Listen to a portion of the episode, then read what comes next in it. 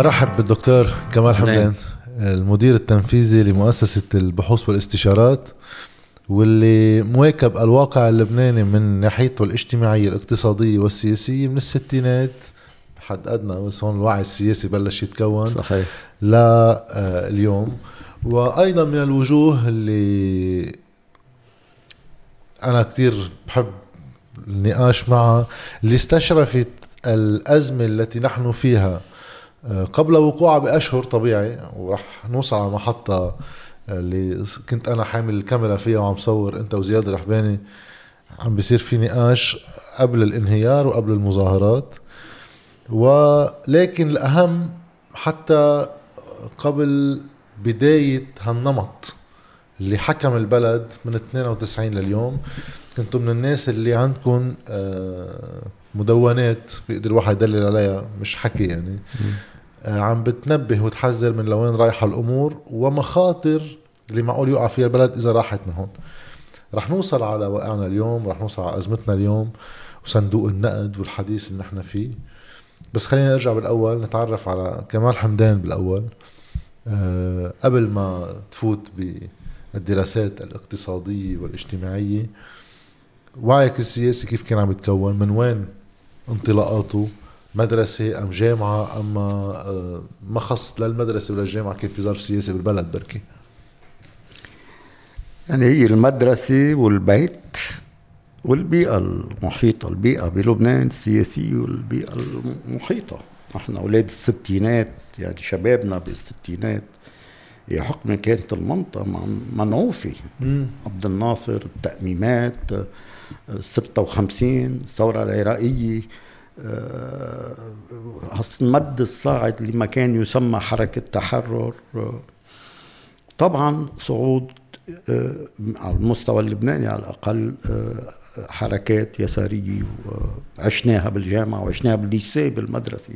أنا درست 15 سنة بال lycée الفرنسية. اسمها Mission laïque française laïque علمانية علمانية ببلد مش كثير مش كثير علماني ما بيرحب.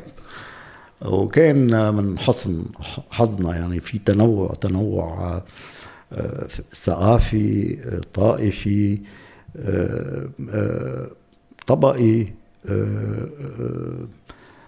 ورغم أنه المسلمين كانوا نسبيا أقلية بس مش أقلية كبيرة. يعني كانوا على الأقل الثلث وما كان حدا يعرف شو معنات مسلم ومسيحي ومن حظنا إنه كان معظم اللي بيدرسوا بالليسي هن كوبيران. يعني ناس بدل ما يعملوا الخدمة العسكرية تبعتهم دولتهم إلى دول الأطراف ليعلموا فيها. آه. وهول على كل حاول ترجع معي للستينات شو كيف كان الوضع بفرنسا كان في نفوذ لليسار فظيع. الحزب الشيوعي كان الحزب الشيوعي والفكر الماركسي. كل خمسه coopérants كانوا يجوا يعلموا بال lycée كان في اثنين على الأقل أو ثلاثة ماركسيين. وبالتالي صار كل صف في 40 طالب بفوت أول السنة. بيظهر آخر السنة في عندك شي 15 ماركسي على طريقته يعني إيه. بشوفها. هلأ في عدد أسماء كثير من يلي لعبوا دور. وأن مع تبدلات بوظائفهم السياسيه من يلي لعبوا دور بالحياة العامة وكانوا آه، بفترتها أو أوطى منا بكم صف أو أعلى منا بكم صف آه بس بنفس المدرسة مثل مين؟ بال بالمدرسة.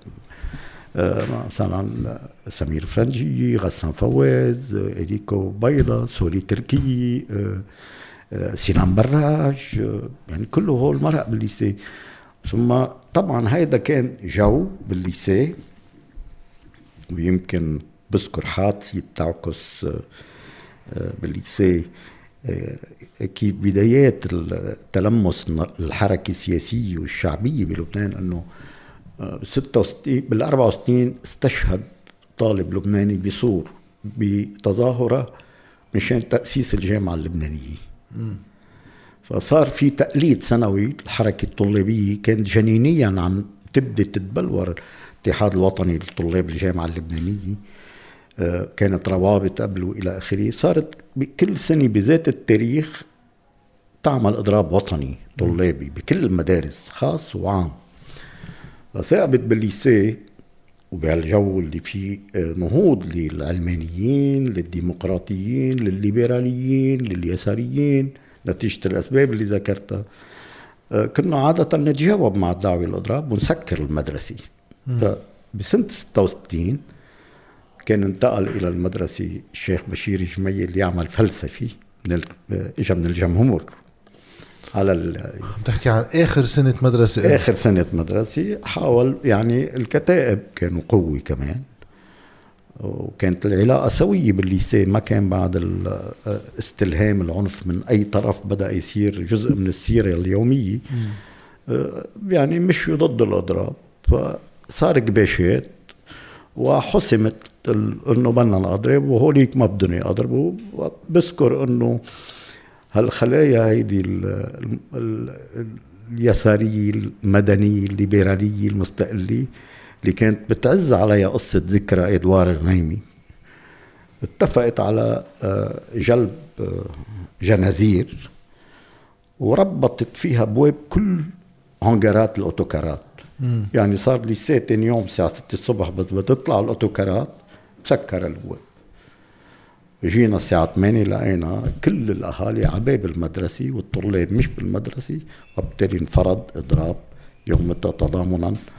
لذكرى استشهاد يعني تصور يعني كنا عم نحكي ب 15 16 سنة عمرنا.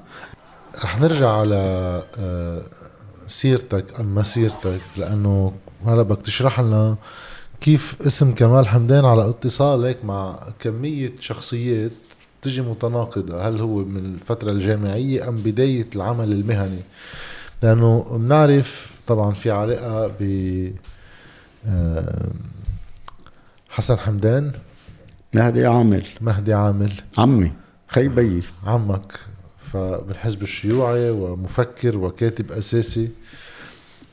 من تاني ميلي بنلاقي وليد جملاط آه، بيذكرك دايما بالخير. في آه، علاقة آه، قديمة بأمين معلوف ربما غسان التويني. فهيك في التقاء لمجموعة شخصيات وهلأ حكيت لنا عن بشير جميل. بقى وين صارت هالقصص كلها اللي هيك بالظاهر بحط واحد الأسامي مع بعض يمكن ما فيهم يقعدوا بنفس الأوضة؟ يعني هلأ مهدي عامل طبعا تأثرنا فيه بالعائلة كلنا يعني عمي مع إنه اجى على لبنان مهدي. بعد هالفترة اللي حكيت عنها اجى ب 66 67 يعني أنا وعم عن الفترة اللي عم أحكي عنها بالأضرابات الطلابية بالمدرسة ثم بالجامعة. كان عم يعلم بفرنسا وبالجزائر اجى بس بأواسط أو 66 67 وبدأ ينشر كتب كثير وصار نمبر 1 على مستوى المفكرين اليساريين الفلاسفه تأثرنا بس وعينا إذا بدك الوطني كان سباق. يعني أنا بذكر ب 58 بذكرها على طول بقعداتي وقت ما سقط النظام آه، العراقي. ملك. آه، آه، فاروق؟ مش فاروق. سوري. نور السعيد. نور السعيد الوزير. طلعت.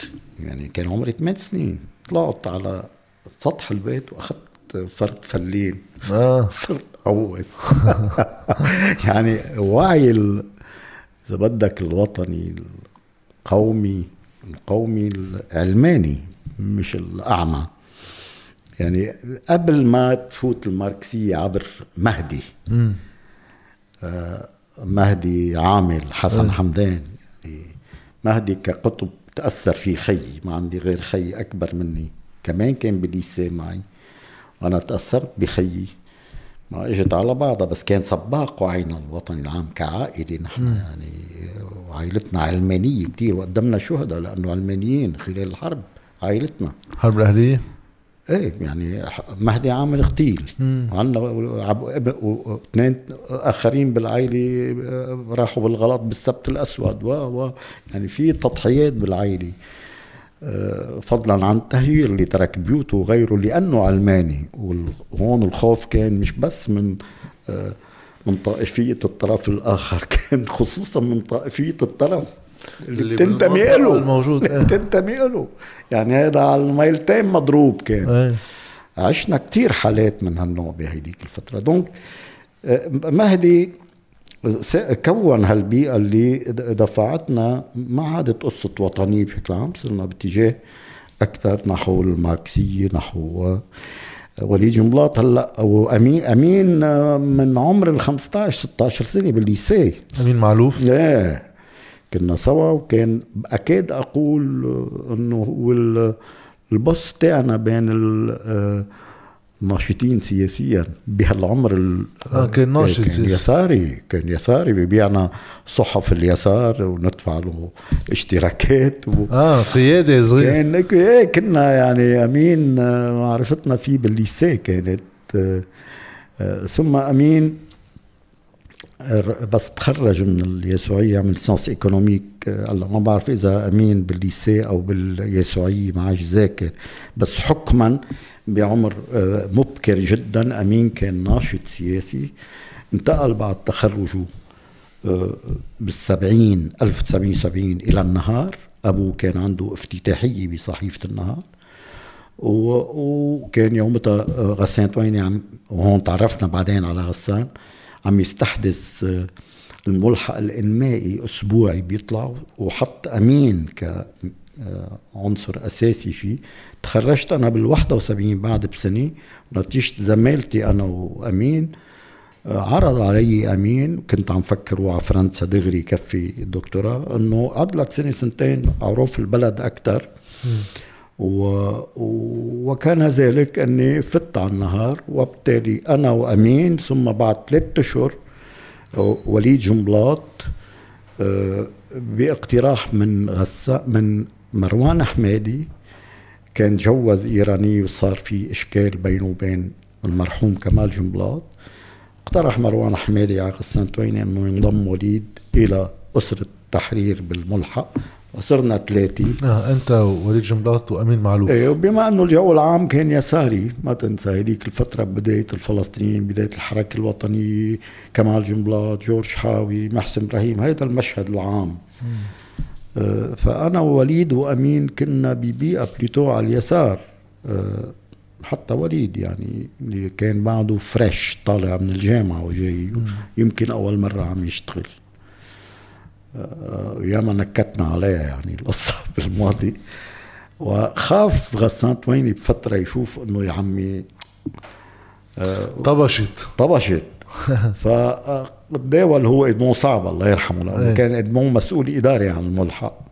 إنه بدها حدا رابع qui coiffe يعني بي بيحتضن هالشلة هيدي. جابوا أمين آه كريم بكردوني آه والله كمان. كريم اشتغلنا 73 72 73 74 75 هول الاربعه كنا سوا. أوف. بذات يا ريت كان في تصوير بوقتها. هلا كريم ينحك عليه كثير كريم يعني ما يعني كريم آه، فيك تقول آه، هو جاي بفكره رايح يعني easy going كثير آه. يمين بس يسار. بياخذ وبيعطي يسار بس يمين. آه، حباب عصعيد شخصي على الأقل كثير أثره ما بيتدخل بس إنه هو رابط الموقع. بس هيدي هي الأربع سنين اللي عشناها بس وليد جنبلاط واحد إنه يعني قليل بلبنان واحد هيك يتخيل آه، بالمنطق الزعاماتي حدا عم يشتغل. يعني كيف كيف كان وضعيته بالشغل يعني؟ حدث ولا حرج هذا التاريخ. وليد كان يجي يحط اغراضه على الطاولة شوي بعدين في القهوة اللي بوجه النهار اللي بالحمراء ينزل ما في موبايلات فكان التليفونات لوليد من نحكي النهار القديم مش النهار إيه اللي هلأ لا النهار القديم بالحمراء بوجه وزارة الإعلام. إيه. كان يقعد بالقهوة تليفوناته تجي على التليفون فيكس وأنا سكرتير ورد على التليفونات. من الزوجة من الأهل من الأصحاب. آه بيجوا لعندك؟ إيه. لا أنا رد وأنا بس يجي من القهوة يعطي رابور. مين اتصل؟ شو بده ما كان في موبايلات. آه وليد ما كان عنده يعني طبعا كانت مرحلة انتقالية. آه بذكر مرة كلفناه يعمل تحقيق عن سبلين. كان عم ينشأ كان المصنع عم ينبنى. إنه يا أخي روح وشوف البيئة هونيك شوف رئيس البلديه المخاطريه الفعاليات شو بيتوقعوا أثر هال مشروع العملاق لإنتاج الإسمنت وشو تأثيره على سوق العمل بالمنطقة على البيئة على غاب شي جمعتين وإجا صفحة آه، بقلم رصاص يعني. يعني لقينا إنه لازم تدعم كثير دعمناها ومضيناها باسمه. بعد بشي عشر سنين عازمني على العشاء أخذت له اياها الورقة تاعته والمقال يعني كانت طبعا للأسف هيدي المرحلة مرحلة أمين وليد كل واحد راح بعدين أمين راح فرنسا. هذا كله انتهى مع الحرب. هيدي بلش انتهى بنص الحرب ب 76 ببدايه الحرب بعد السنتين. اول أول حرب السنتين. أمين راح مع بالأول على النهار العربي بباريس ثم راح على عدة مجلات فرنسية قبل ما يفوت ب طريق الشهرة ككاتب فرنسي. ووليد اغتيال كمال جنبلاط ب 76 فرض عليه أنه يكون زعيم الحركة الوطنية ثم ينفرد يتفرغ إلى السياسي. هلأ ذات ست ما ندمان على شيء. طبعا كل واحد منا عنده مساره وقناعاته و... و... وانشغالاته يعني بس قديش صعب واحد يصير بموقع سياسي نقدي مع أشخاص في علاقة صداقة هو وياهم لأنه أنت بالسياسة العامة خصوصا بالاقتصاد وبالسياسة العامة إذا واحد بيتابع مواقفك ما كثير بتتوافق مثلا لا. مع وليد جنبلاط يعني لا في محل نقيض. لا إيه طبعا. يعني بالسياسي والاقتصاد في تباين وفي آه، يعني هذه الحياة وما في عداوات بالحياة يعني هذه الحياة تستوعب آه، موضوعيا آه، حدود التباين وتتصرف على أساسه. طبعا ما في آه، يعني العودة إلى أجواء خلان الصفا والوفا لا انتهت هيدي. غسان تويني من بعيد معرفتنا فيه. كانت أقرب إلى ميشيل أبو جودي لأنه بس كنت بالنهار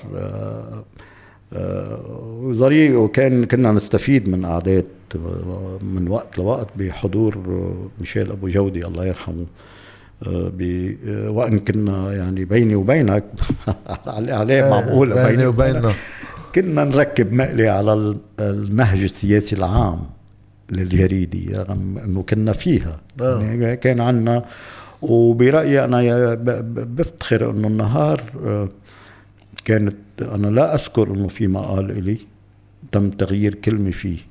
يعني كان في مهنية عالية جدا لا سيما إنه فترة استعانوا فيي شافوا إنه عندي استعداد أطلع من خبريات الاقتصاد وطلعت الاسهم والأسعار وغيره.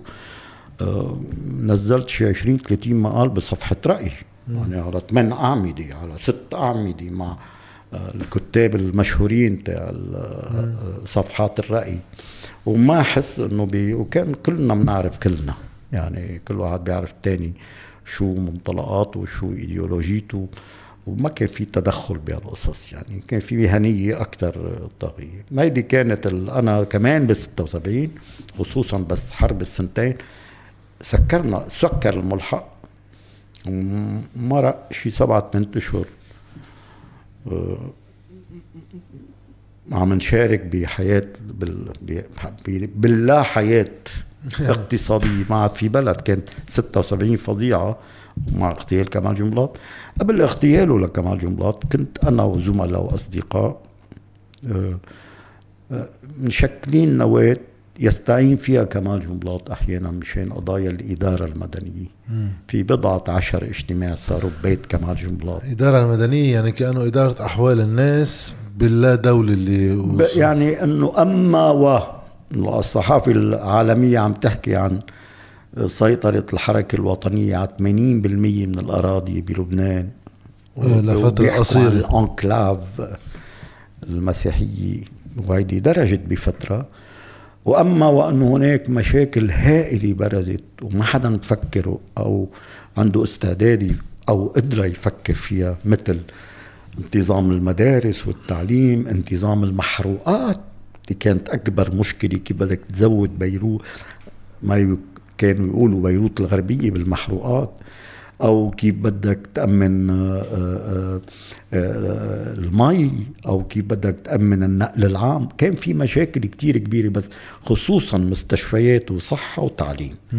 وبالتالي كانوا يدعوا كنت أنا من بين بضعة عشر نحضر هالاجتماعات.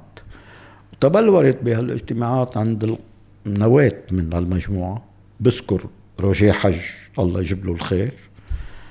كان الإحصاء الثاني بالإحصاء المركزي بعد روبير كاسبريان وهو شريك معنا بالمكتب. وحسين حمدان خيو لمهدي عامل اللي هو عمي كان بالتصميم مع آه، جميل الخل موريس. موريس. كان يده اليمنى تقريبا بالتصميم. نحن الثلاثه اللي كنا نشارك بهالاجتماعات مشان الإدارة المدنية مع آخرين منهم آه، ألبير منصور الوزير والنائب الحالي والوزير السابق وفؤاد شبالو المحامي اللامع. كنا هالخمسه من وأكيد كان جورج حاوي وكان كمال جنبلاط و... كان كمال جنبلاط بشكل أساسي وبعض أركان حولوه من وقت لوقت جورج ومحسن لأنه سياسي أكثر جورج ومحسن نحن كان همومنا مسطحة يعني تعليم ومدارس وأكل وتموين وما بعرف شو. أه تبلورت عند هالنواه اللي عم أقول لك عنها يعني أه روجيه حج حسين حمدان ألبير منصور فؤاد شبقلو أنا إنه لا بد من مركز أبحاث. للحركة الوطنية مو عم نحكيها كمستقلين يعني مش ما فيك تعملها على أسس تطوعية وآد هوك بالمونة وإلى آخره. هذا هذا بده يصير شغل جدي. بده يكون في شغل جدي. وكمان جملات اقتنع فيها واللي بيناتنا نحن كنوات كان الأكثر آه، تصويبا واستهدافا وقناعة وبذل الجهد من شأنه هو المرحوم حسين حمدان اللي م. كان اللي أسس هذا المكتب. يعني هذا النقاش أخذ مدى أشهر إلى أن يوما ما كمال جملاط الشهيد كمال جملاط طلع بضرورة إنشاء مركز أبحاث. ويعني هيدي عم نقول عشية اغتياله وبلغ الغير منصور وفؤاد شبقلو إنه الحركة الوطنية قررت تنشئ مركز أبحاث وسوف تحصل خلال أسبوع على الدفعة الأولى للبدء بالإجراءات. فكان اغتيال كمال جملات تماما بهاللحظة ماتت الفكرة. من هون ربما كان بدل عن ضائع بعض النواة اللي شاركت باجتماعات الإدارة المدنية. تبلور عندها أنه تفتح مؤسسة خاصة للأبحاث. فكان هذا المركز. مركز البحوث والاستشارات إيه بس طبعا هون آه، كان في أوهام عنا إنه في دعم بيجي أو دراسات بتيجي بواسطة أركان من ضمن هالنواة.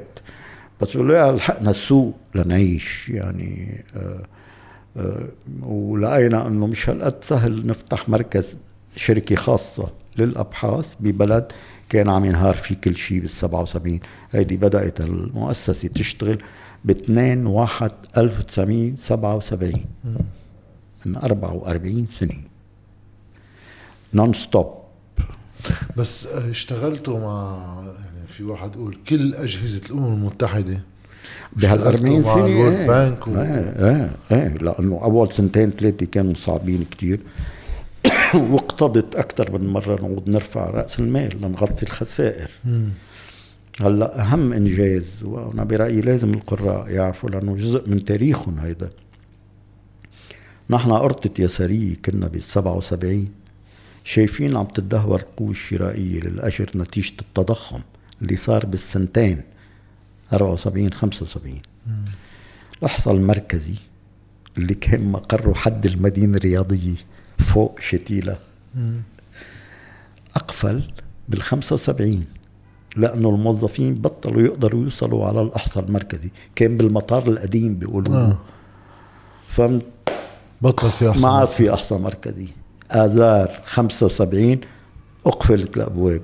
فتحنا ب جانفيي 77 وبما إنه أنا كنت بالنهار تابع قصص المؤشر وبما إنه شريكنا الأحصائي روجيه حج كان بالاحصاء المركزي بيشتغل على المؤشر مع روبير كاسبريان.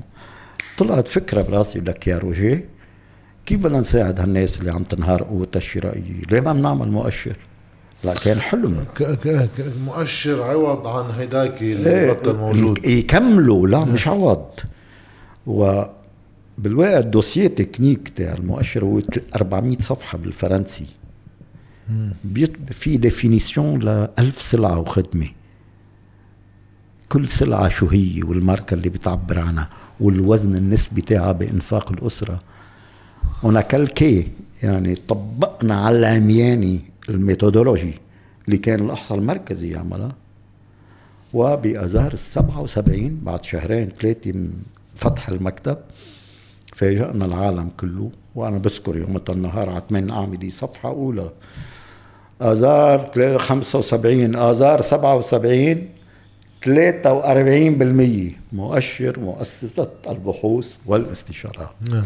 وهذا المؤشر اللي بعده لليوم.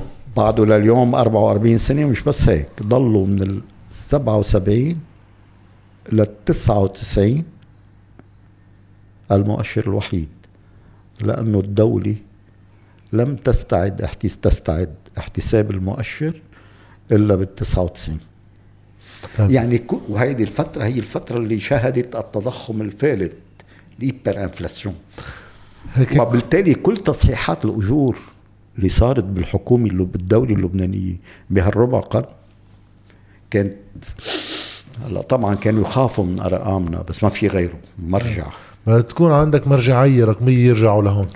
كانوا لا يعني يتلفنوا لي يعني روحوا يعني حاضر لي سبعة من مرات اجتماعات أو بمجلس الوزراء. بلاش. أكيد. أو مع وزير العمل يعني اللي معني بالموضوع. وأحيانا يجوا مدراء عامين لعنا. ويا دكتور وأعطونا الرقم وكذا وشايفين مناقبات العمال وقصص وإلى آخره. تجربة بينكتب عليها كتاب هيدي. آه. لا لأنه بعض الناس أول ما طلع المؤشر والإعلام ضج التلفزيونات وصحف وعم بيطال القوة الشرائية ل عم نحكي عن نص القوى العامله اجرة فطلع مين يقول لهم هالقد التضخم؟ صاروا كلهم عم يطالبوا. يا ما يدق الباب ونفتح. فبستحي أقول بعض قادة النقابات يقولوا لنا دخلك المؤشر بأي افضل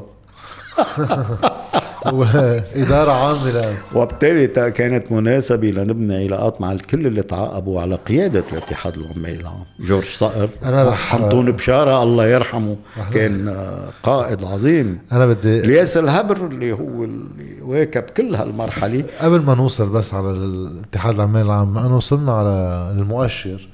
خلينا نحكي عن هيدا الجانب. لأنه آه، مع إنه موجود من سنة ال 77 لليوم شو بخبرنا المؤشر عن آه، تكيف اقتصادنا مع تبدلات أسعار الصرف؟ هلا وقفت بفترة خلص جمدت من سنة 97 لل 2019 إنه الدولار 1515 واقفه بس في انهيار الثمانينات وحتى في اللي صار بال 91 92 وفي واحد يشوف السوق شو عم تتبدل فيه الأسعار. هلا مثل ما عم تتفضل معك حق إنه بس صار في تثبيت نقدي ما عاد في أساس للمقارنة لأنه خلص صار الجرافيك إذا بتعملوا هيك سعر الدولار على الليرة صار باراليل للأرض جالس. إيه صار موازي للخط الأوريجين تحت لأنه 1500 1500 سعر ما بيتحرك. بس العشر سنين اللي قبل. خليني أقول 75 75 97 على طول كان آه، يعني عم نحكي عن حوالي 20 سنة باستثناء سنتين أو ثلاثة بنص الثمانينات. على طول كانت العلاقة بين تطور المؤشر الأسعار وسعر صرف الدولار على الليرة محكومة بالعلاقة الرياضية الثالثة. على طول الأسعار أعلى من طلعت الدولار على الليرة يعني آه، بسنة معينة طلع الدولار على الليرة 20% ال price index مؤشر الأسعار 30 أو 25 بس تاخدها على 20 سنة وتلاقيها محكومة بهالعلاقة وتشوف اللي صار هلأ بتقول بنتمنى يكون اللي صار هلأ. يستمر لفترة لأ ما تكون هالعلاقة طويلة الأجل على مدى ربع قرن خلال الحرب الأهلية وما بعدها تكون يعني تعود تستعيد ديناميتها الطويلة الأجل وتنسحب على المرحلة الحالية شو هلا يعني؟ شو صار؟ شو يعني؟ بعد ال 2019 دولار بيطلع 50% الأسعار بتطلع 20 ما كان هيك العكس سابقا تماما إيه. هلا علاقة جديدة هلا شو يمكن التفسير؟ هلا ما أنا ما عندي تفسير بالواقع عم أقول ك statisticien كاحصائي كاقتصادي عم راقب هالاسعار بممنع وعم طلعها إنه بهالحقبة ل 20 25 سنة آه، آه، خلال الحرب وبعدها مباشرة هال équation كانت إنه الأسعار تتجاوز سعر الصرف على الليرة كنسبة زيادة. هلأ لاحظ الدولار على الليرة ما بعرف إنه بقي من الليرة 5% صح.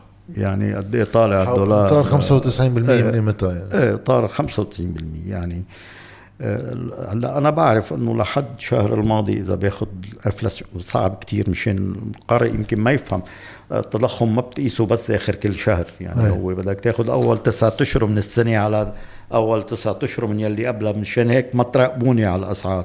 بس أنا هلأ بقول لكم الأسعار وسطيا طالعة بهالسنتين ثلاثة شي 500 600% لو إذا ايكواسيون هيك. 1005 إيه. إذا واحد بيضربها إيه بيضربها ب 20 مرة. إيه 20 مرة. يوصل لل يعني 30 طالع على الدولار 20 مرة. آه، طالع أو 15 مرة. ما زال عم نحكي مثل تجار سوق سرسو على من قريبه. طالع 15 20 مرة الأسعار طالعة خمس خمس مرات. ست مرات.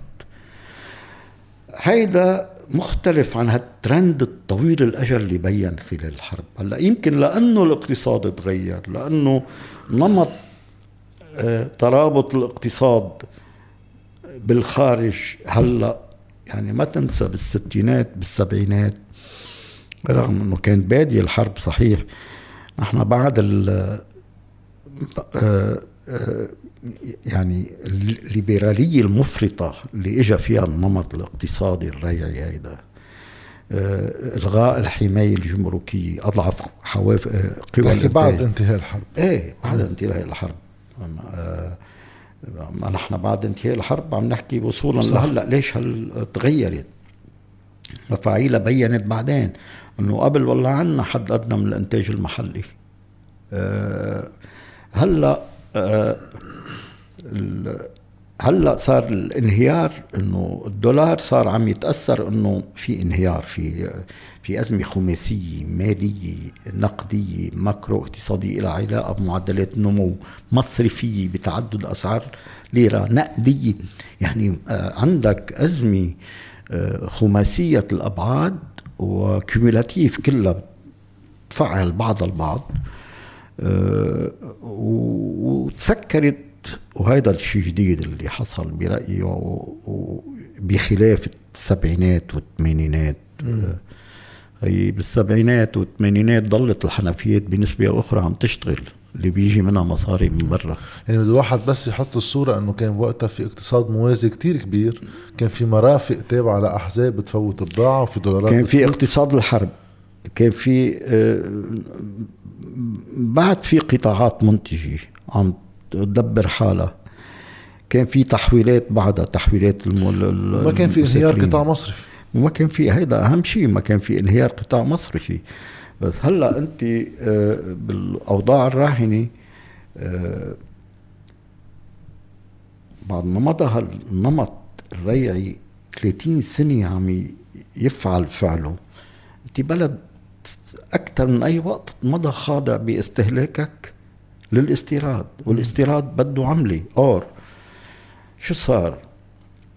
بعد ال 2011 هلا انتبه انت سألتني عن نهاية الحرب إيه والحقبة الحريرية وقلت أنا عن مناسبتين صاروا بعدين بنحكي عنهم. آه، هالبلد أزمته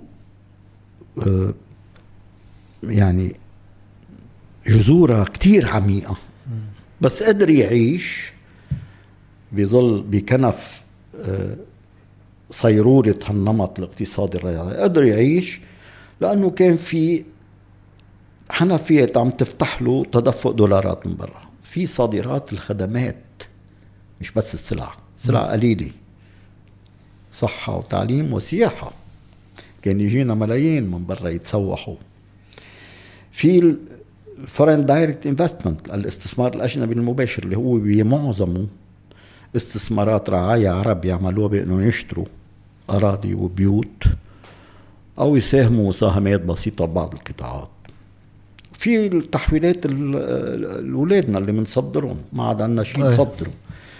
بس لأعطيك فكرة بآخر عشريتين deux décennies. هول الثلاثه صادرات السلع والخدمات زائد ال FDI زائد زائد التحويلات حوالي 50% وسطيا من ال GDP يعني أكثر من نص اقتصاد 50 نص الاقتصاد. يعني سبعة سبعة حوالي سبعة ثمان مليارات التحويلات خمس ست مليارات ال FDI وهيديك آه، تقريبا 20% من الناتج عم نقول 8 9 مليارات 10 مليارات آه، صادرات الخدمات. هول ومع ذلك عندك أنت ما تنسى الفخت التجاري لحاله. إيه عندك 17 مليون مليار. تستورد 20 بتصدر 30 في فخت 17 هلأ هول كانوا طنجان يعني بشكل عام عم يغطوه. والدليل أنه ميزان المدفوعات والحسابات الخارجية عندنا بقيت إيجابية. إيجابية لحد 2011 صح. طبعا صار فترات 97 و2001 و2 في لأنه هالبلد مش عايش في صحراء. إيه. في صراعات في شوك خارجي كل فترة في اعتداءات اسرائيل في التوظيف السياسي الأجنبي الأجندات الأجنبية في بالساحة اللبنانية نتيجة وجود حزب الله. كل هذا كان عم يلعب. وثلاث مرات اجى لحيطق النموذج وعلى آخر رمق كان باريس واحد. 2001 باريس اثنين. 2002 وباريس ثلاثة. 2007 وبعدها وقفت باريزات اجى صادر واحد اللي ما تنفذ. دونك وهيدي طبعا هيدا آه، مصدر رابع للتدفق العملي غير صادرات الخدمات واستثمارات آه، الأجنبية المباشرة وتحويلات أولادنا اللي برا آه، كان عم يتبل بعضه وقت ما يجي يصير في بوادر شوك نتيجة آه، هيزوعة داخلية غير محسوبة النتائج أو اعتداءات خارجية تيجي الأسرة الدولية اللي عندها أجندات وغيره تدعمنا بهال بعد ال 11 لا اختلف الوضع تماما. أنا بسميه المفصل نقطة انعطاف بتاريخ الأزمة اللبنانية 2011 م. من 2011 حساباتك الخارجية وميزان مدفوعاتك بحالة ديفيسيت عجز تراكمي. باستثناء ست أشهر أو اللي هن وقت 16 وقت الهندسات المالية. وقت الهندسات المالية. والباقي عم تاكل من اللحم الحي. هو فعليا لحدود 2000 آخر 2018 كنا بهالسبع سنين اللي مرقوا راكمنا حوالي قريب على 15 مليار دولار عجز صحيح تراكمي صحيح. تراكمي على صحيح كل صحيح. هلا الخطأ الكبير أما وأنه الترند كان اللونج تيرم طويل الأجل هيك من ال 11 ساحب. لا طبعا بدك تشوف الوجه الآخر القصة. تغير مجرى الصراع بالمنطقة. ما عاد العرب وإسرائيل صارت السعوديه وإيران الخليج وإيران السنة والشيعه بلد بخصوصياته آه، انضرب عنا بسبب هالتغير في آه، آه، في في أطراف التناقض الأساسي انضرب عنا يعني يعني رافعة أساسية هي صادرات الخدمات. اللي كنت تصدرها لرعايا هالبلدان هيدي بالذات. وانضرب طبيعي. انضربت رافعة الاستثمارات الأجنبية المباشرة اللي هي كمان 90% منها مصدرها الخليج الخليج. ووقفت القروض باريس 3 كان ب 2007 عم نحكي عن ما بعد ال 2011 دونك عمليا جفت القصة. بقي الشيء اللي أولادنا عم يبعثوه من تحويلات. لا هذا منعطف 2011 2016 بتقديري. هون في مسؤولية كبيرة. هون في مسؤولية كبيرة إنه لو كان العقل الراجح عم يتحكم بوضعي السياسي أنا ما عم بحكي عن السياسي العامي. لأنه كل هالقصة اللي عم أحكيها من 1993 هي تعبير عن خلل أو إحلال للسلطة مكان الدولي. خلل في العلاقة بين السلطة والدولة وتسلط السلطة الفيدرالية الطابع التخصصية الطابع على الدولة المركزية. هيدي السمة اللي طبعا إذا بدك تدرس علاقتها بالأزمات وبال أنا بدي راجع شغله بدي أرجع فيها لورا بس حسألك سؤال قبل ما أنك ذكرت هيك مسار شوي من على القليل 2001 هو قبل بس 2001 وصولا لل 2011 وصولا لليوم. طيب السؤال اليوم بيصير هل الأسرة الدولية من ميل ومن تاني ميلي صندوق النقد الدولي والبنك الدولي. ليش تقاريرهم عن لبنان ماشي الحال؟ أغلب الوقت هلا بمقابلاتنا السابقة منهم مع الوزير السابق منهم مع آه، جورج أورم بيقولوا إنه بلقاءاتهم مع صندوق النقد لا كانت الحديث غير عن التقارير المعلنة. شو هي هالعلاقة؟ وخصوصا اليوم نحن قادمين على صندوق نقد على تفاهم مع صندوق النقد شو يعني صندوق النقد بيعرف مشكلتك وين بس بغض النظر عنها وليش؟ هلا هن عم يحكوا كوزراء جورج إيه. والياس. أنا عم أحكي كباحث واللي كان 80 بال 90% شغلنا مع الناس إيه. أه وبالتالي مصادر بحثنا أحيانا.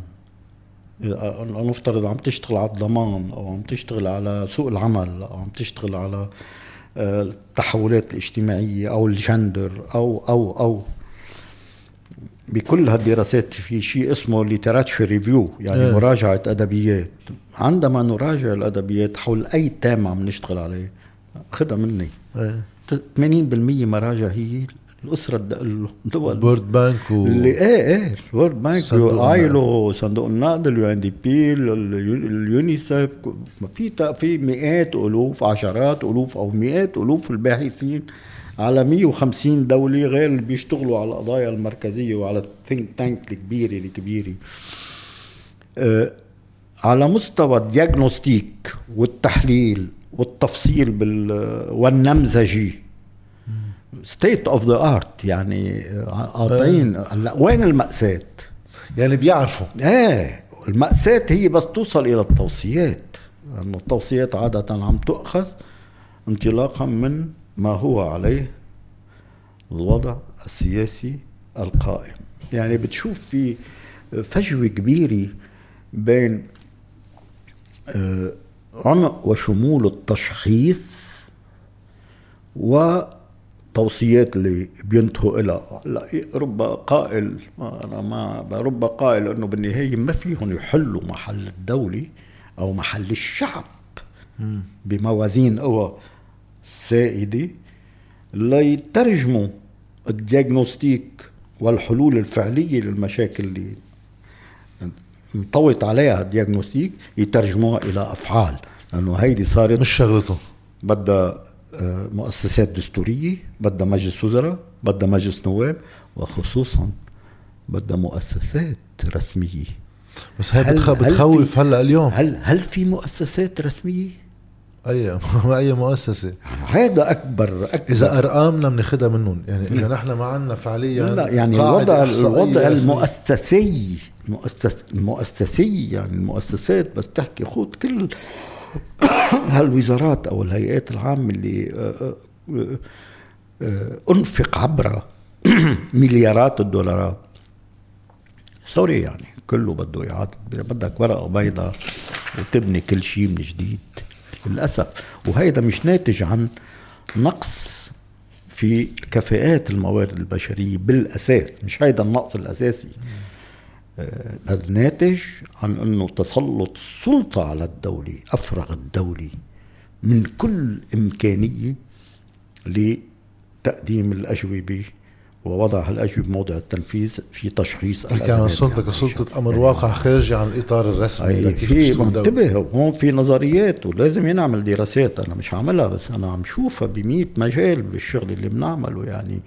الدولة هي مجموعة دويلات هي دولة فيدرالية وكل واحد عنده سكة على مؤسسات. أي. الفئة الأولى بيتمثلوا فيها الكل بس معروف أنه الرافعة بهالمؤسسة تابعة لها السلك. وتنزل لمستوى أدنى كمان ذات اللوجيك تنسحب على المستويات الأدنى. بيصير عندك أنه والله الضمان لفلان الكازينو لفلان الكهرباء لفلان آه، الأجر لفلان آه، وهكذا. ومش بس هيك صعوبة التغيير وعم نلمسها لنا سنتين بالشوارع وبالساحات مع إني خربوا الدنيا.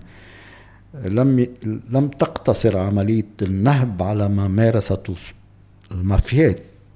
اللي معششة بقلب هال ناس بيسموها دولة غنائمية ناس بيسموها آه، سلطة آه، طوائفية تحاصصية ناس بيسموها مافيات. إيه. ما صار في توزيع للمنافع. يعني أنا بس انزل من مستوى النواب والوزراء إلى المؤسسات ومن يدير المؤسسات ومين بيعينهم والمؤسسات العامة والمصالح المستقلة مثلا. استقلاليتها الإدارية كتير كبيرة رغم رقابة ديوان محاسبة عليها وكذا. تقرر مستويات الأجور تقرر عدد الأشهر بالسنة 16 12 18 تقرر شو اللي بيفوت بالأسيات اللي بينحسب على عليها آه، الراتب التقاعدي و و و و. وما بعرف 60 70 مؤسسة ومصلحة اللي كلهم دايرين تابعين لمجلس وزراء لرئيس مجلس وزراء عمليا. أه. أه إنه كيف عم نحوش هالفوضى الخلاقة هيدي وهالتباينات الرهيبه بالواجبات والحقوق. إيه بس هون عم نرجع على المحل اللي بدنا يعني بتشوف انتبه. رح يبقى هذا الواقع نحن عم نتفاوض مع صندوق النقد. لا هلا السلطة لا. فوق الدولة؟ لا. إيه على هيك أنا مش مؤمن بأي نجاح. ما سوري. يعني أنا خوفان هلا ينقال إنه عم أقدم حلول وما أقدم حلول وأنا اللي عم أقوله من سنتين الحل هو برحيل هالطقم كله. ما في حل بوجوده. من تسبب بهذا الانهيار غير المسبوق بالتاريخ أكبر عملية نصب واحتيال بالتاريخ لا يمكن أن يوثق به ليقود عملية الخروج من الأزمة. أدمانه ممرض أدمانه عنده مصالح. وعم نلمس هالشي بهالسياسة اللي برزت آخر سنتين. non-state لا دولي أو قليل من الدولي سقوط حر. chute libre سقوط متعمد. سقوط سقوط حر سقوط إجراءات ترقيعية كلها مش مترابطة. مش جزء من كل. هالمعطر هذا اللي اسمه دياب. حسن دياب. غامر وعمل vaut ce que vaut مثل ما بيقولوا بالفرنسي الخطة خطة تعافي. لازار. لازار وهالمجموعة اللي معه. عملوا هال وئدت في المهد من قبل مجلس النواب لأن تجرأت مع أنه هي من رحم النظام من ولادات النظام. لأن تجرأت تحط هنتس أو تلمح أنه حجم الخسائر هالقد وآلية توزيعها تبدأ بالمصارف بالمصرف المركزي بالدولي بكبار المودعين وبشيء من القطع ال transversal اللي بيطال فئات أخرى من الودائين و تجرأت أن تقول إنه القطاع المصرفي بحالة إفلاس. هلا هلا كل اللي عم يصير هو لاثبات إنه لا المصارف عم تضبط أوضاعها. يعني هل إيه. عم دفتريا على الورقة عم تحسن عم تنظف ميزانياتها. آه وإنه كل الطبقة السياسية بتزايد عليك بالحفاظ على حقوق المودعين وصار عندنا أعلى هير كات بالتاريخ 80 85% وبظل عدم وجود خد... يعني انتبه ما قليل كثير الدول اللي باللحظة ذاتها بينضرب ادخارك ومصدر عيشك الدوري معاشك. يعني الدفق و stock ال flow ال flow stock flow and stock راحت ودايعك والبطاله والانهيار والقوة الشرائية شو القوة الشرائية هلا إذا يعني ما أنا بقول لك بس تقول لك الإحصاء المركزي. عشيه الانهيار بال 2018 هي والآي إل أو. منظمة العمل الدولية. إنه 72% من الأسر إجمالي دخلهم الشهري أقل من مليونين و600 ألف. وما بعرف إذا صار تصحيحات ما صار تصحيحات أجور رسمية. 72% 72% أقل من 100 دولار أقل بالشهر. أقل لا عم أحكي بليرات ال 2018 أوكي.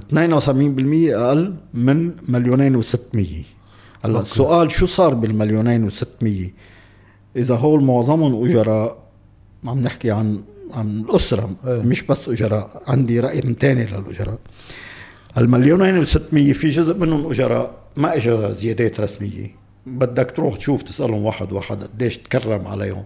صاحب العمل بالتعويض سواء بالنقل أو بالمعاش. هون عم نحكي كمان عن موظفي الدولة بيناتهم. 72% من الاسر وسطيا بلبنان. كله.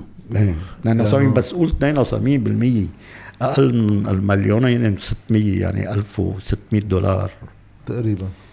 بس قول هيك مليونين و400 مليونين و400 بس قول هيك ما معناته إنه كلهم على السوي العالي إيه. طبعا. عندك النص يمكن تحت المليون ونص. صح هذا المعدل. فهلأ هول ما بنعرف شو صار فيهم. برايور إحصاءات الضمان. 50 51% من الأجور المصرح عليها. بأحدث تاريخ يعني هلأ من سنة سنتين. هي دون ال 1.9 مليون مليون و900 ألف. أو على كل آه، هيدي في يكفي مش هيك؟ إيه. إيه. هيدي آه، بتلتقى مع هيديك يعني بس هون عم نحكي عن أجرة. وعم نحكي عن الاجره النظاميين لأنه عم نحكي عن ضمان. في قدهم تقريبا أجرة غير نظاميين وهو الوضعهم أسوأ. لا بس تفكر بهالقضايا وتشوف إنه ببلد تبخرت الادخارات وانهارت القوة الشرائية للأجر اللي بتاخده كل شهر وانعدمت آه، ال- السيرفيس ببليك الخدمة العامة وين رايحين ما بعرف. للأسف نظام الطائفي قوي لدرجة يمكن إيه نظام. بس ما كنا نقول لفترة طويلة من الوقت إنه النظام الطائفي عايش بالآخر على آه، حاجة توزيعية.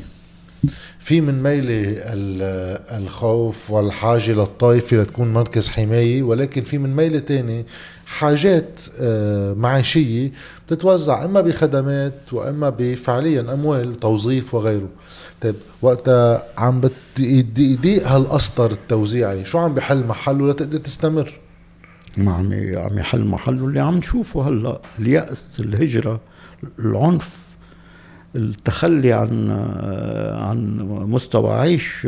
يعني بس ما المشكلة هلأ صرت أنت عم تقرب من من إنه مستوى الكفاف ما عم تقدر توفي فيه. هلا آخر طبعا أنا عندي تحفظ كتير على كل الأرقام اللي بتنحكى عن نسبة الفقر بس إنه هذا اللي رائج هلا ودا- ودارج.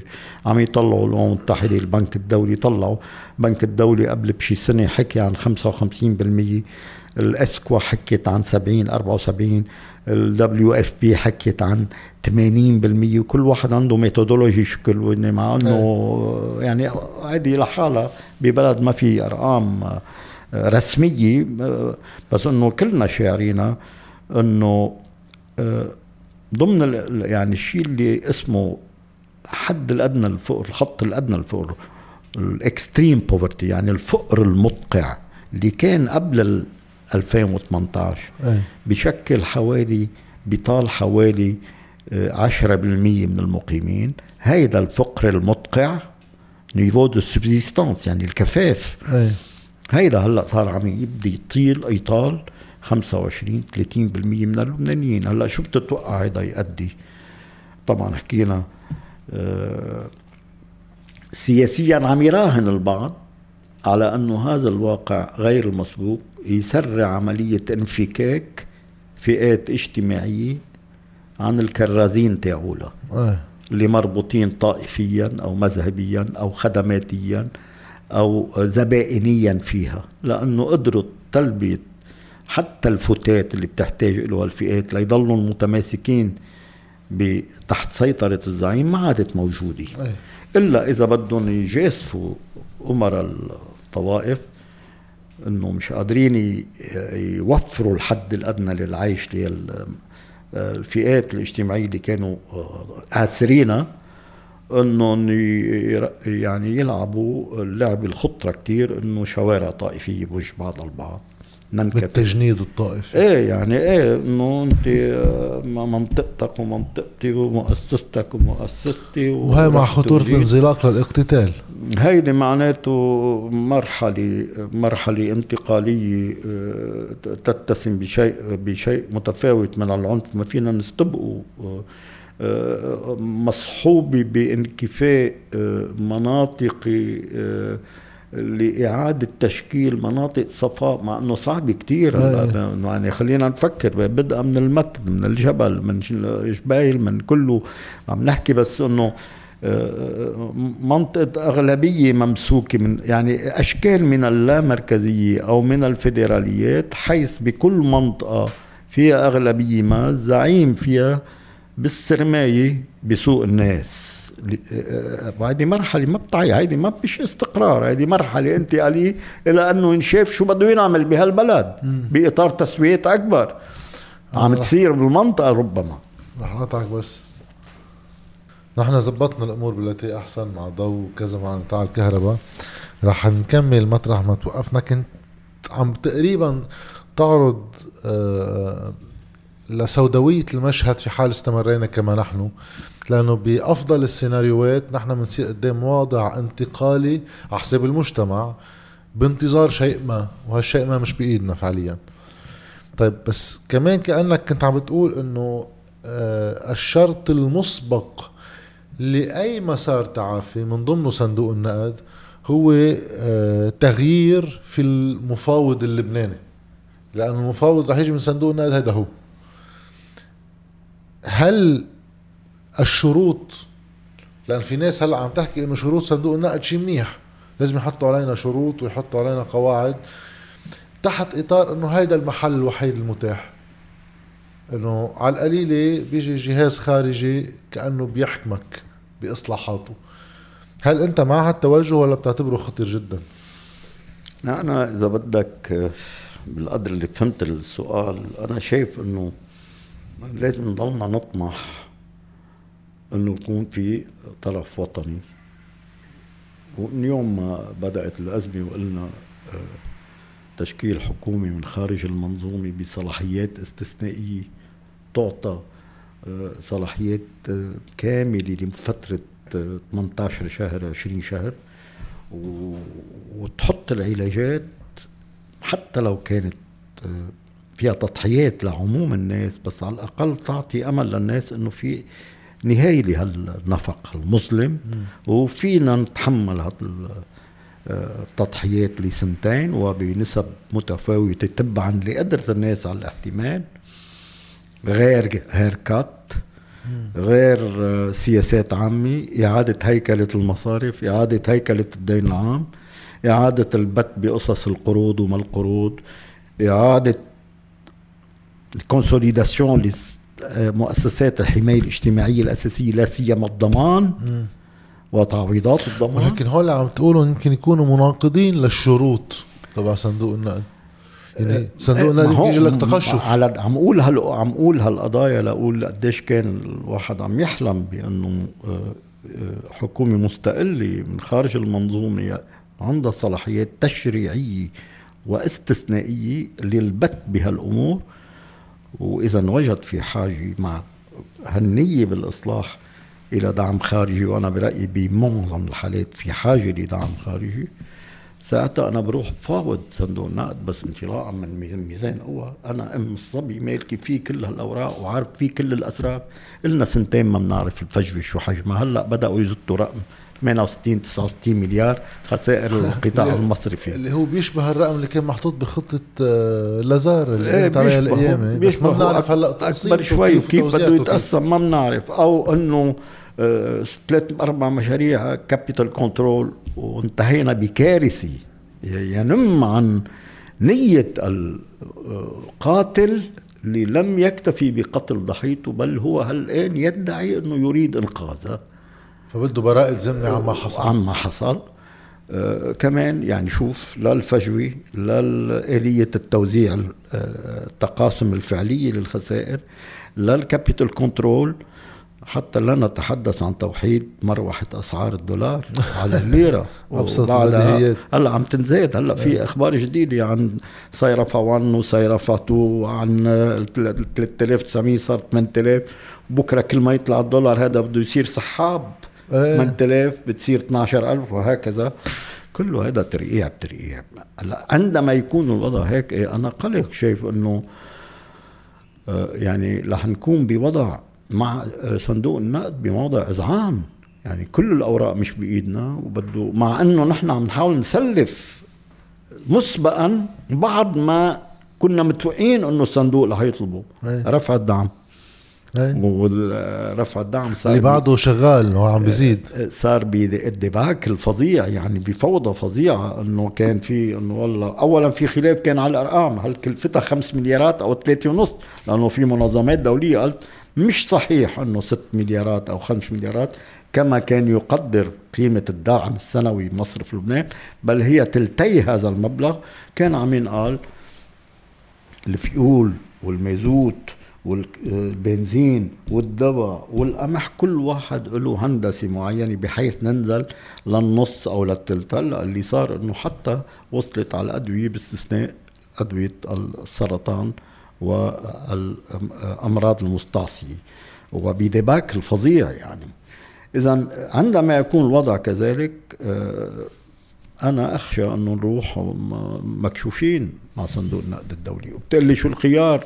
طبعا الخيار مش بالبساطة اللي عم يفكروا فيها جماعة الشرق بدل الغرب. إيه. أنا مش ضد الانفتاح على الشرق. طبعا. بس بدك تشوف الشرق شو الآليات شو الاطر المؤسسيه مش إنه في باب كاريتاس إيه. على الشرق وفي باب شرير ولا اللي عم يحلم إنه يعني يراهن على إيرادات الموارد النفطية أو الغازية اللي ممكن تنشأ. كله هذا okay هذا له محلاته. بس هلأ انت بوضع يعني لقمة العيش حبة الدواء. انتظام الحياة اليومية. هيدا كله موضع هل صحيح إنه ظهر 20 مليار بهالسنتين؟ بغياب capital control قانون لل capital control بهال التداخل والتشابك الفظيع بين تملك المصارف بين ملكية الأسهم في المصارف وأعضاء مجلس النواب ومجلس الوزراء. ثم بالسكك اللي زعم الطوائف مركبينها عبر فسيفساء الانتماءات والغلبات الطائفية في كل من المصارف لحتى كل طرف مثل ما عم ينقال هيدا ظهر 500 هيدا 300 وهيدا 200 وهيدا. هو السؤال الكبير اللي بيفجع إذا كانت هالأمور هي كذلك؟ كيف بعض الناس بتقبل تقعد ببيوتها؟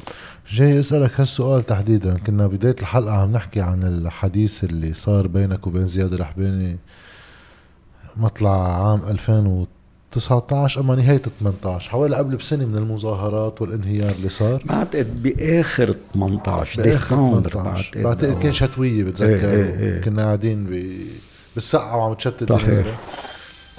بوقتها كان آه، حديثك ارتقاب إنه في مظاهرات بدها تنطلق وتعمل مناطق مش رح تكون بس بالمركز. وكان زياد عم يحكي إنه المشكل انطلاقا من مصرف لبنان ولازم تبقى العين على مصرف لبنان.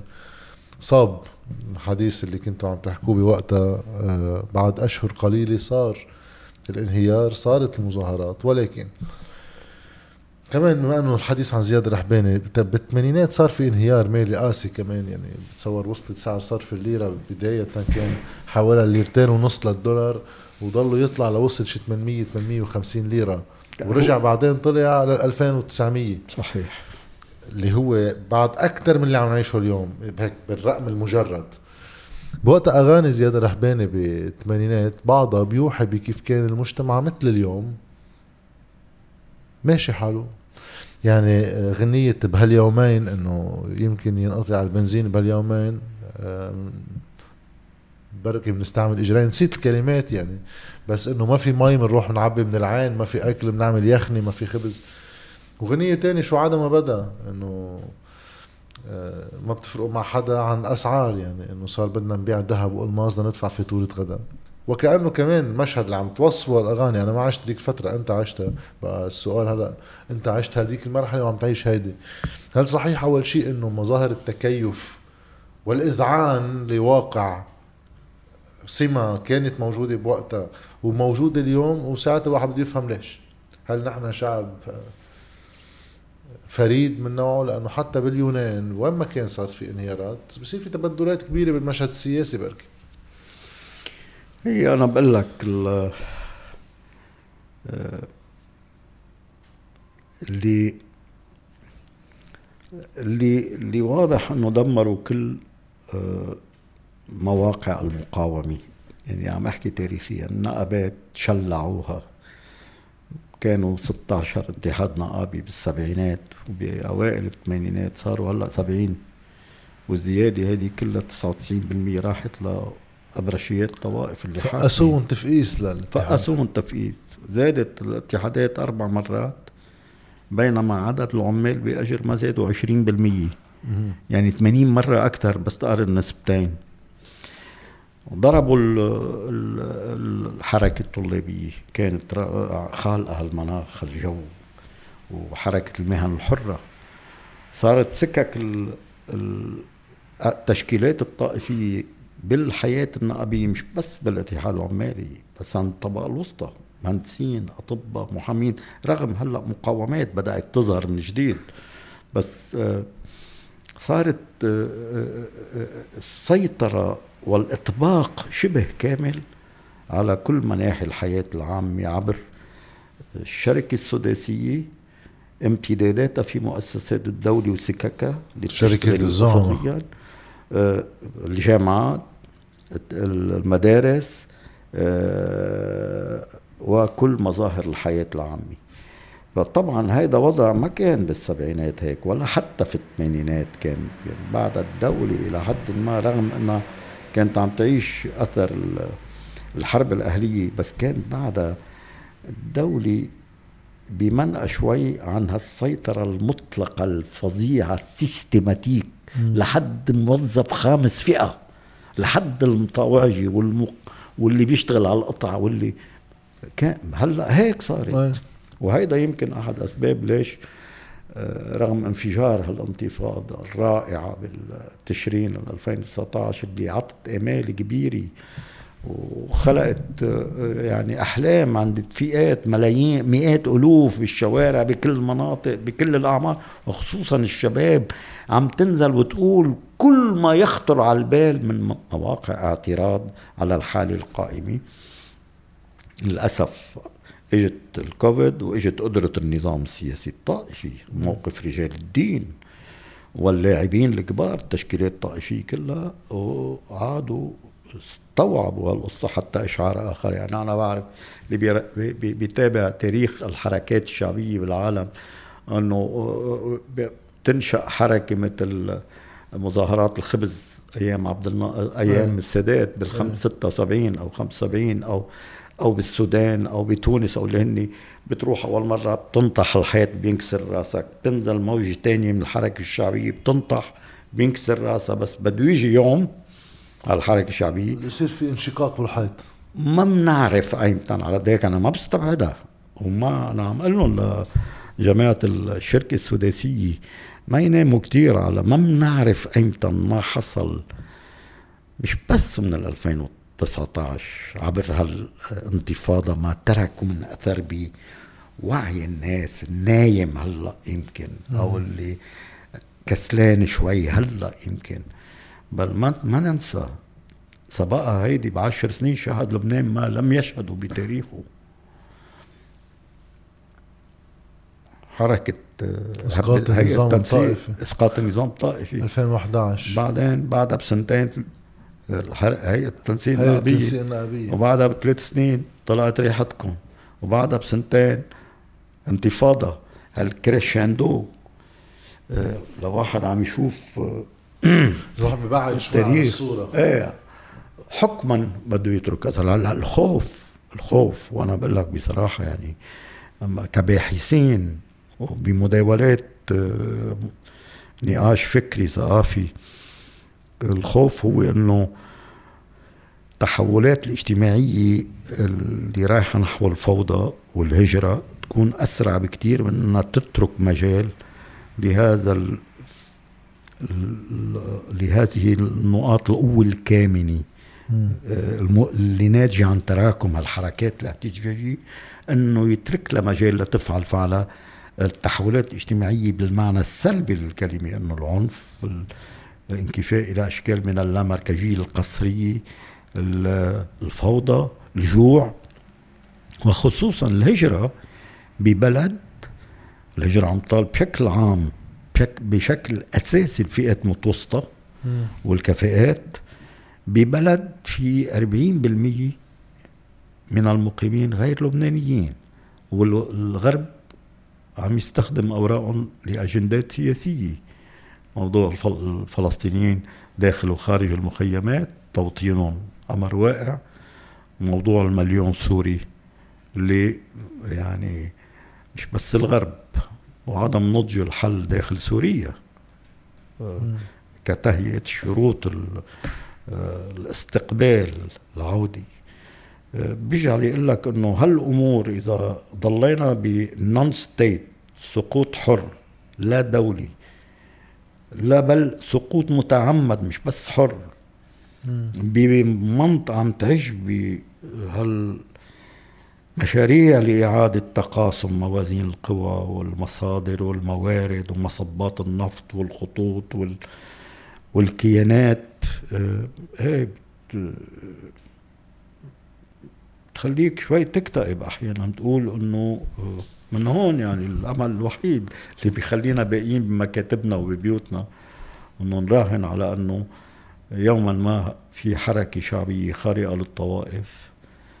بدأ تعود تنشأ وتفكر بحلول لمشاكلها الفعلية مش على قياسات ما كتب من 5000 سنة أو 1500 سنة أو أو أو, أو, أو أنا آه، جزء من اللي كمان حكيت عنه اللي بيوصلنا على الأزمة اللي عم نعيشها اليوم هو ما حصل ب 92 آه، مع مجيء رفيق الحريري. ولكن ليس وحيدا يعني بالشراكة اللي ركبت معنا به بري جنباط وميشيل المر وفارس بواز ودياس دهراوي وكان شخصيات واسعة يعني من فرنجية وصولا لعائلة كثر تتركب نظام سمته هيك اللي بتنقال ريعي. قبل ما نوصل لاستباقكم شوي للي صار آه، من خلال محطين رح نذكرهم فينا نشرح بس شو شو هو الاقتصاد الريعي لأنه اليوم في حديث إنه بدنا اقتصاد منتج بس عم نقطع الكهرباء ونشيل الدعم.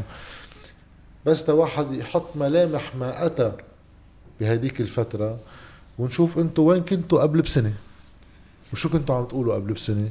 وارجع اسالك ليش ما صار؟ هلا إذا بنحكي عن الريع أو بنحكي عن هالمحطتين تاع اللي كان ممكن يكون لهم دور استباقي خلينا نمشي بالمحطين بالأول إيه. وبعدين نجي على موضوع توضيح شوي شو هو النمط الريعي. وكل النمط لأنه كله debatable بعده قابل للنقاش بس في déjà بعض الأفكار ممكن تنقال على ال piste التفكير يعني. هلا الحدثين المحطة الأولى منهم آه، بالمقابلة تبع الأسبوع الماضي مع الوزير السابق سمير مقدسي تحدث عن أولى الجوانب اللي هي آه، لجنة الخبراء اللي حضرتك كنت واحد منهم وموقع بآخر التقرير.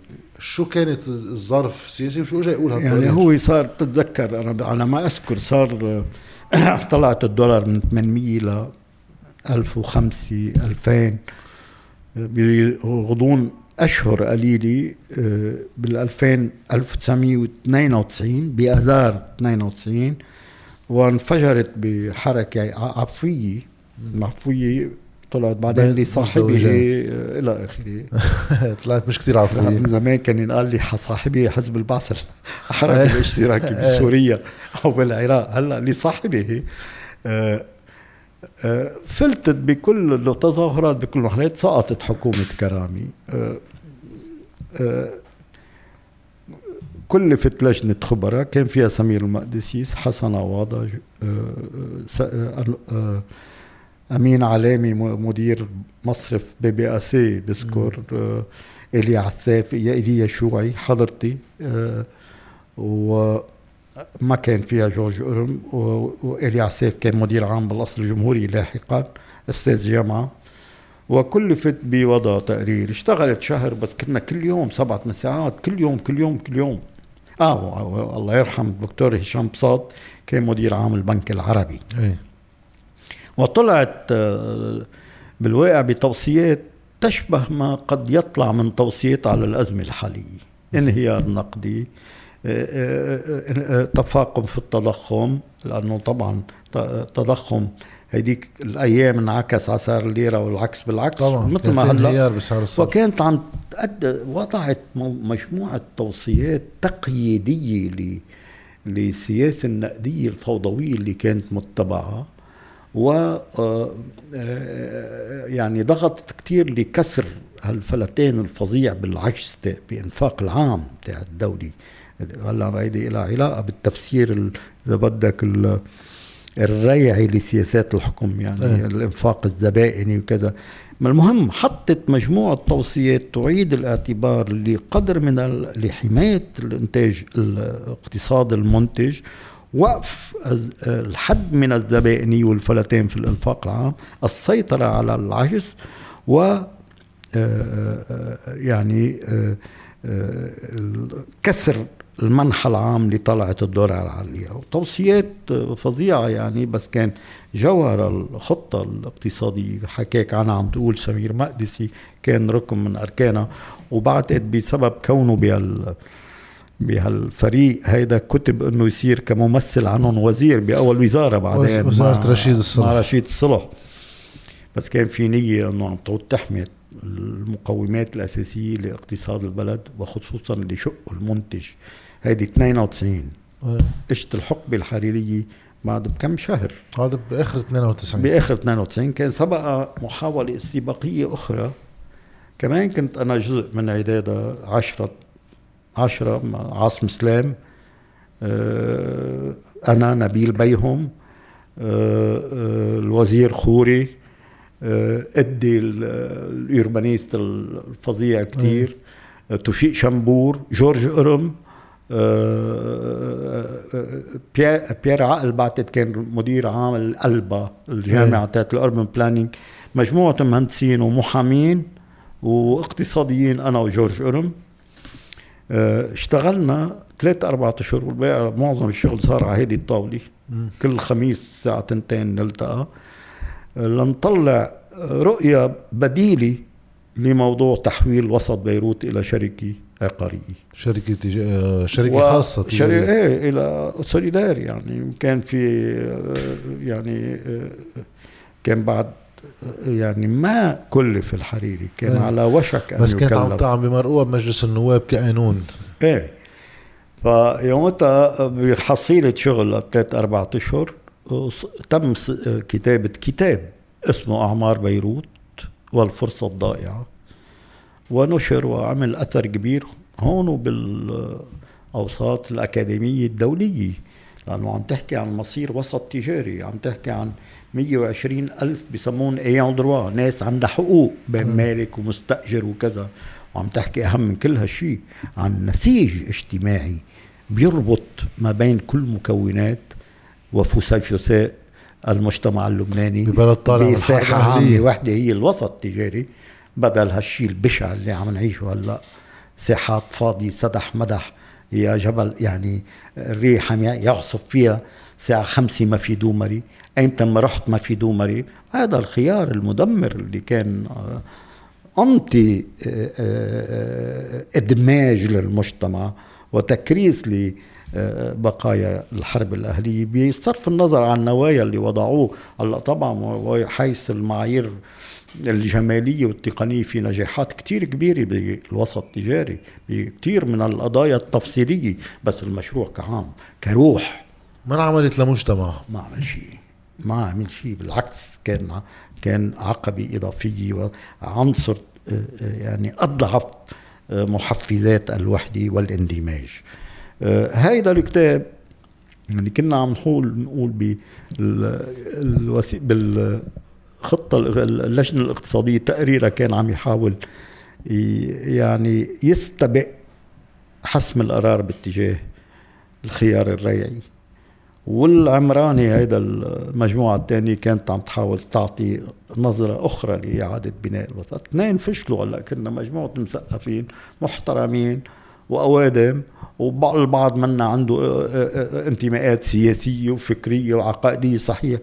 بس إنه بموازين القوى ما كنا نحن بأصحاب القرار. للأسف كانت عم ترسم المعالم. بس المو... يعني اللي صار بعد بشهر من انتهاء الكتاب ونزل على السوق وانباع وبس كلف الحريري بظرف أسبوع سحب من كل المكتبات انشرى الكتاب انشرى وتقريبا منع إصدار نسخة ثانية منه لأنه مش هالأوادم اللي كانوا عم يفكروا سواء بتقرير لجنة الخبراء أو ب أعمار بيروت والفرصة الضائعة مش بإيدهم. كانت عم ترسم الأمور الثانية كان في تحالف سعودي سوري.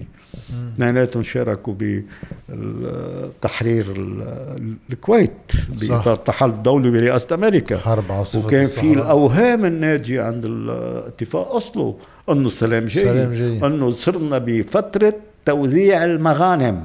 peace dividend هيك كان ينقال لنا بس نكون عم أنا ما يعني أنا طلعت مع دولة الرئيس آه، رفيق الحريري مع مرسال غانم. ثلاث ساعات نقاش بال 97 آه، ب débat أخذ كثير حكي أنا ذاك بال...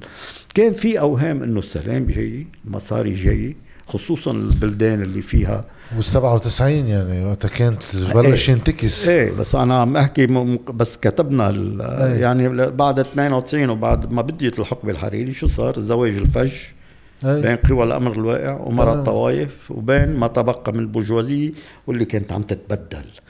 برجوازية الستينات هذه دراسة أنا هلا جاي, جاي أحكي عنها. لأنك وصلت على برجوازية التسعينات وأيام برجوازية ما بعد الحرب.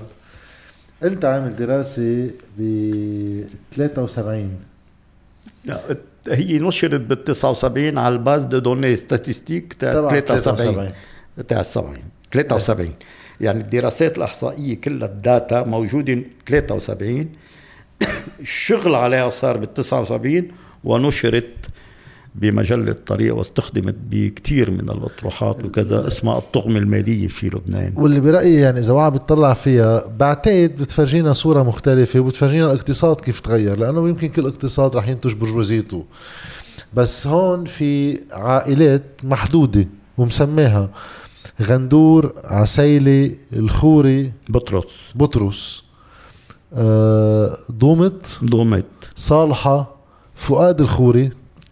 ربع تاني من بيت الخوري. إيه. أه جبور أما جبرة كتان جبر جبر. جبر. بيت جبر وكتاني عريضة عساف سنة وجبور صحناوي وجلاد. إيه. هو هن إذا بنعدهم واحد اثنين ثلاثة 13 عائلة. هولي الكهرباء مش مساعدتنا. حاط حاطط بالدراسة شو بيستحوذوا سوا من القطاعات التالية لحالهم هو 13 من التأمين عندهم 26% بنوك ومال عندهم 30% صناعة عندهم 47% تجارة وزراعة وخدمات 14% نقل 29% أما 21 21 21% عقارات 14% حتى التوزيعة كتير مختلفة مم. شو فيك تشرح لنا عن هيدي بالمقارنة مع ما بعد الحرب واليوم هلا هيدي المحاولة كانت على الجزء الأساسي من رأس المال اللي هو اللي موجود بالشركات المساهمة مم. شركات مساهمة بالسبعينات كانت شركات مساهمة عن جد يعني إلى لحم ودم مش مثل ظاهر تفريخ المكانات اللي صارت بعدين أي. كان في إجباري سنويا يصدر النيار في ال 400 شركة صفحة صفحة في البيلان تاع الميزانية أسماء أعضاء مجلس الإدارة وأهم المساهمين. فدونك عندك كان مرجع إحصائي هو لل 400 شركة في كل هالمعطيات. للأسف ما كان في كنترو آه كمبيوتر. إيه. شغل. يومتها بال 79 كان لي سنتين بهذا المكتب. أي. وحسب فترات ال- في شغل نعيش منه أو ما في نعبي وقتنا نشتغل على هال base de données أنا وز- وزميل مروان عقل إحصائي وزميلي أيضا. حولنا هال 400 شركة كل المساهمين فيهم طلع عنا مئات. أو آلاف. خم- 400 500 ب 10 أون موين 4000 هاي. آه، اسم. وجمعناهم وفقا لتعريف اسمه التجمع العائلي. حددنا التجمع العائلي ب- آه، بالناس اللي بترتبط فيما بينها بعلاقات قربة أولى أو ثانية إيه. إخوة أولاد عم. هذا تجمع عائلي. من هون طالع تجمعين لبيت الخوري. اي في فؤاد الخوري عم يتكرر بكذا شركة وفي بطرس الخوري وولاده إيه. ف وبهال concept هذا التجمع العائلي groupement familial صرنا نوزع هالمساهمين. طلع عنا شي 900 أو 800 تجمع عائلي الأهم منهم هو اللي هول 13 اللي سنو جبور جبر عريضة هلا في تركز كتير هيك لا في تركز كتير بال- إذا واحد بيزيد البقاوة اللي برات 13 بتصير النسب بعد أكبر من كل قطاع. ولا الرقم هو من ضمن الألف قديش هن إلهم؟ لا هيدي من نسبة لل 400 آه لل 400 إيه، شركة ما عندنا data كان على على المجمل. على مجمل. بس ما هو يعني بيني وبينك آه، كمان يمكن ما رح تغير كتير كبير لأنه هيدا ال ال ال pierre angulaire هيدا الزاويه ال- ال- ال- الفئة الضاربة في رأس المال. هيدي آه هي. أكيد. مش نكون يعني بعطيك مسح المؤسسات مثلا. آه، مؤسسات مؤسسات آخر واحد لنقول في 200 ألف مؤسسة بلبنان. مم. آه، 92% من آه، 92% منهم تحت الخمس عمال.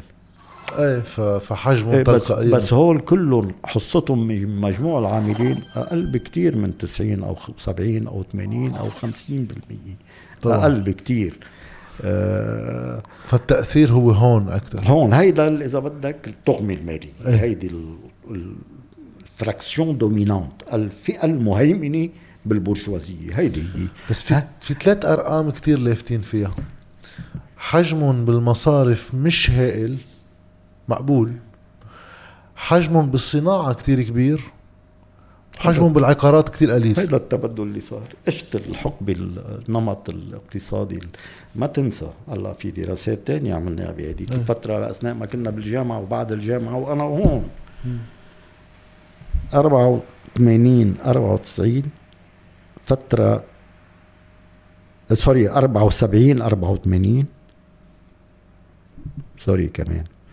64 74 هي الفترة الذهبية بتاريخ الصناعة اللبنانية. معدل نمو ال output الإنتاج الصناعي السنوي بهالعشر سنين هيدي بما فيها 67 حرب حزيران. معدل نمو الاوتبوت سنويا كان أربع مرات معدل النمو الاقتصادي تاع الاقتصاد ككل. كنا رايحين بوجهة اجت الحرب. وقيل طلع يومتها تيزات كتيرة إنه إسرائيل خافت من نمط آه، حديث شوي مقومات صناعية كتير قوية ببلد متعدد ومنفتح وذكي وشاطر اسمه لبنان إنه يكون منافس إلها بالمنطقة. وهيدي حجة إضافية استخدمت ل آه، تفجير البلد عبر المساهمة بالحرب الأهلية. يعني ف- فكرة أنه النمو الصناعي اللي حصل بلبنان عشية الحرب رهيبة كانت. وهيدي أنتجت برجوازية ضلت طبعا ما بس تكون أنت 64 74 يعني رح تلقطها ب- عم تلقطها بالأرقام هيدي. صح. هلا بالحقبه بالنمط الريعي اللي تبلور مع بداية الحقبة الحريرية والمراهنة على مصاري بدها تجي والهبل آه إنه بنعمل انفراستركتور ضريبه إيه. ألغينا التصاعدية. كانت توصل ل 42% على آخر شطر. إيه. ضريبة الدخل. نزلناها ل 10 فلات ريت ألغينا الحماية الجمركية تقريبا. بحجه إنه في عولمة. كله صار بأشهر هذا أه وانتهى هالوضع. وثبتنا سعر الصرف. ها؟ وثبتنا سعر الصرف. إيه وثبتنا سعر الصرف وفتحنا. انتبه التثبيت النقدي في نظريات لم يتاح لنا نحكي عنها. في شروط هائلة بالتجارب العالمية بستعمل بنش ماركينج لتتبع سياسة تثبيت نقدي. من أهم هذه الشروط إنك تقود العجز السنوي في الموازنة. تسيطر عليه تمسكه. يعني بدك يا إما تخفف الإنفاق يا إما تغير نظامك الضريبي لتزيد الواردات يا إما هيدي وهيدي سوا. أور طلتنا الإنفاق بعد زواج الميليشيات وما تبقى من البرجوازية. والنظام الضريبي عملناه فلات ريت ضربنا التصاعدية وصير يربك راعيها وهيدا اللي عم بقول السلطة حلت محل الدولي فنحن بالنمط الريعي هيدا اللي بدأ بالتسعينات انتهت على انتهى إنه بعد ب 10 20 سنة الزراعة والصناعة حصتهم من الإنتاج من من القيمة المضافة من القوى العاملة للنص. أكيد إنه تركيبة البرجوازية هلأ بس تقول لي تركيبة البرجوازية هلأ هي عم نحكي عن ال fraction dominante الفئة المهيمنة. هون عندنا بيتا سيلي وجبر وكتاني وعريضة وغندور وسن وجبور وإلى آخره. هلأ عندنا آه، حريري آه، آه، ميقاتي مليارديرية. يعني أغلبهم ثرواتهم مش من لبنان. إيه إيه إيه ما بعد ما خلصت. في عندك هول والنواة المصرفية العزيزة العشر بنوكي. هذا هو الزواج الفظيع. واللي عمليا ربط بيناتهم ظاهرة الهجرة إلى النفط لأنه معظمهم هول عملوا ثروات برا. صح. والعقار اللي هون 14% أكيد هلأ إذا بنعمل آه، قياس من من عيد الإكزرسيس مع إنه صعب مستحيل من دون تكليف بمصاري. صح. صار عندك 10 20 ألف شركه مساهمة.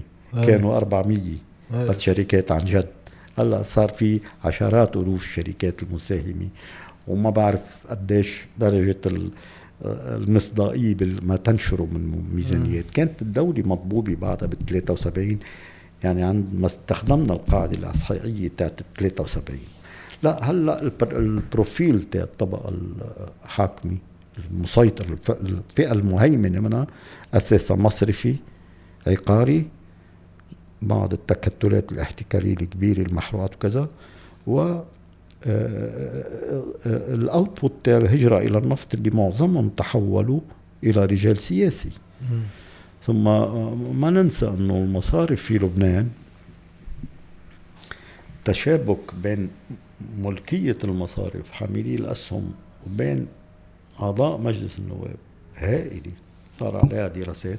بعد اشتغل عليها جاد شعبان وطلع شيء إيه بين بين مجالس نواب ووزارات. إيه واشتغل عليها آخرين. والاحتكارات نحن اشتغلنا عليها بتكليف من آه، الوزير الله يرحمه اللي استشهد مع آه، رئيس رفيق الحريري. باسل فليحان باسل الله يرحمه. قسنا يعني أنا ميزوري قسنا درجة التركز بالأسواق اللبنانية concentration هذه آه، كان شارك معنا بفريق البحث دكتور توفيق كسبار مع مؤسسة البحوث. قدرنا نحدد استنادا إلى التصنيف الدولي للنشاطات اللي فيه 5000 row.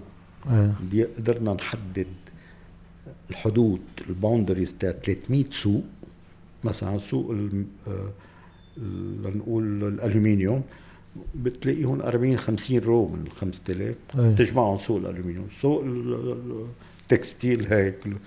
قدرنا نحدد 300 سوق وحددنا طبعا ما كان ممكن تنعمل دراسة لو ما الوعي مستوى وعي باسل فليحان لأنه بالأول كلفني كمال بركي بنعمل دراسة تحليلية. قلت له يا معالي الوزير شو دراسة تحليلية؟ بقعد بقدر أقعد بال weekend بكتب لك عشر صفحات وبقول لك بدي آه، مبلغ آه، بدك على شغل جدي بدك تعطينا ال database تاع ال TVA.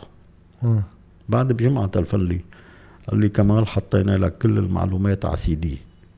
خليهم يسمعوا هلا رؤساء حطينا لك اياه على سي دي بس طبعا أنا كنت عارض عليه. حط لنا إياهم على سي دي وقيم أسمائهم. حط من واحد ل 8000 كل شركة serial number رقم. رقم. ساعتها مشان ما نروح نستخدم المادة ضد X أو أعطانا 8000 شركة ب serial number كل شركة خلال السنة شو اشترت وشو باعت.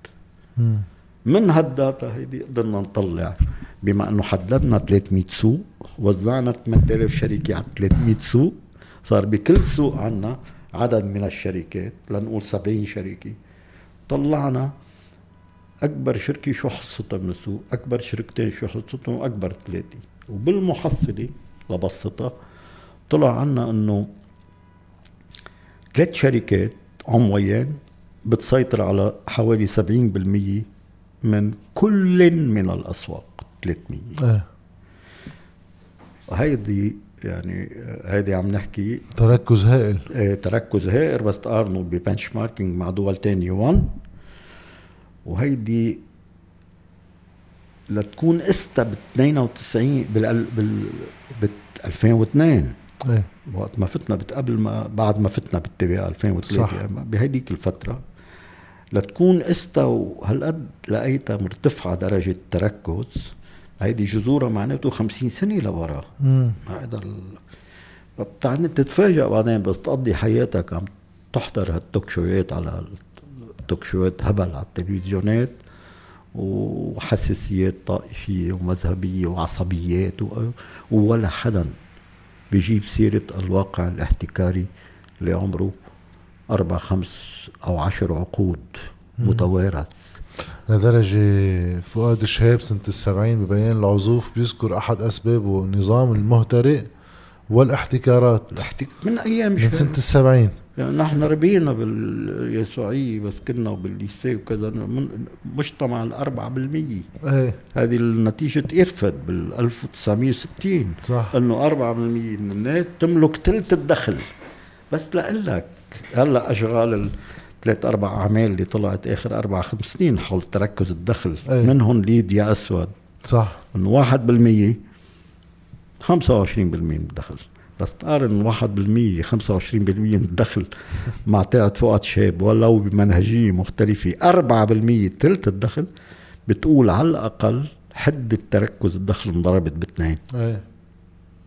فعلا. يعني بالواقع آه، إنه عم نستذكر هالأمور لنشوف إنه الشاب اجى يقول بالستين إما التنمية إما العدالة الاجتماعية. أو هالبلد بده يفرط. وفرض إجت الحرب الأهلية.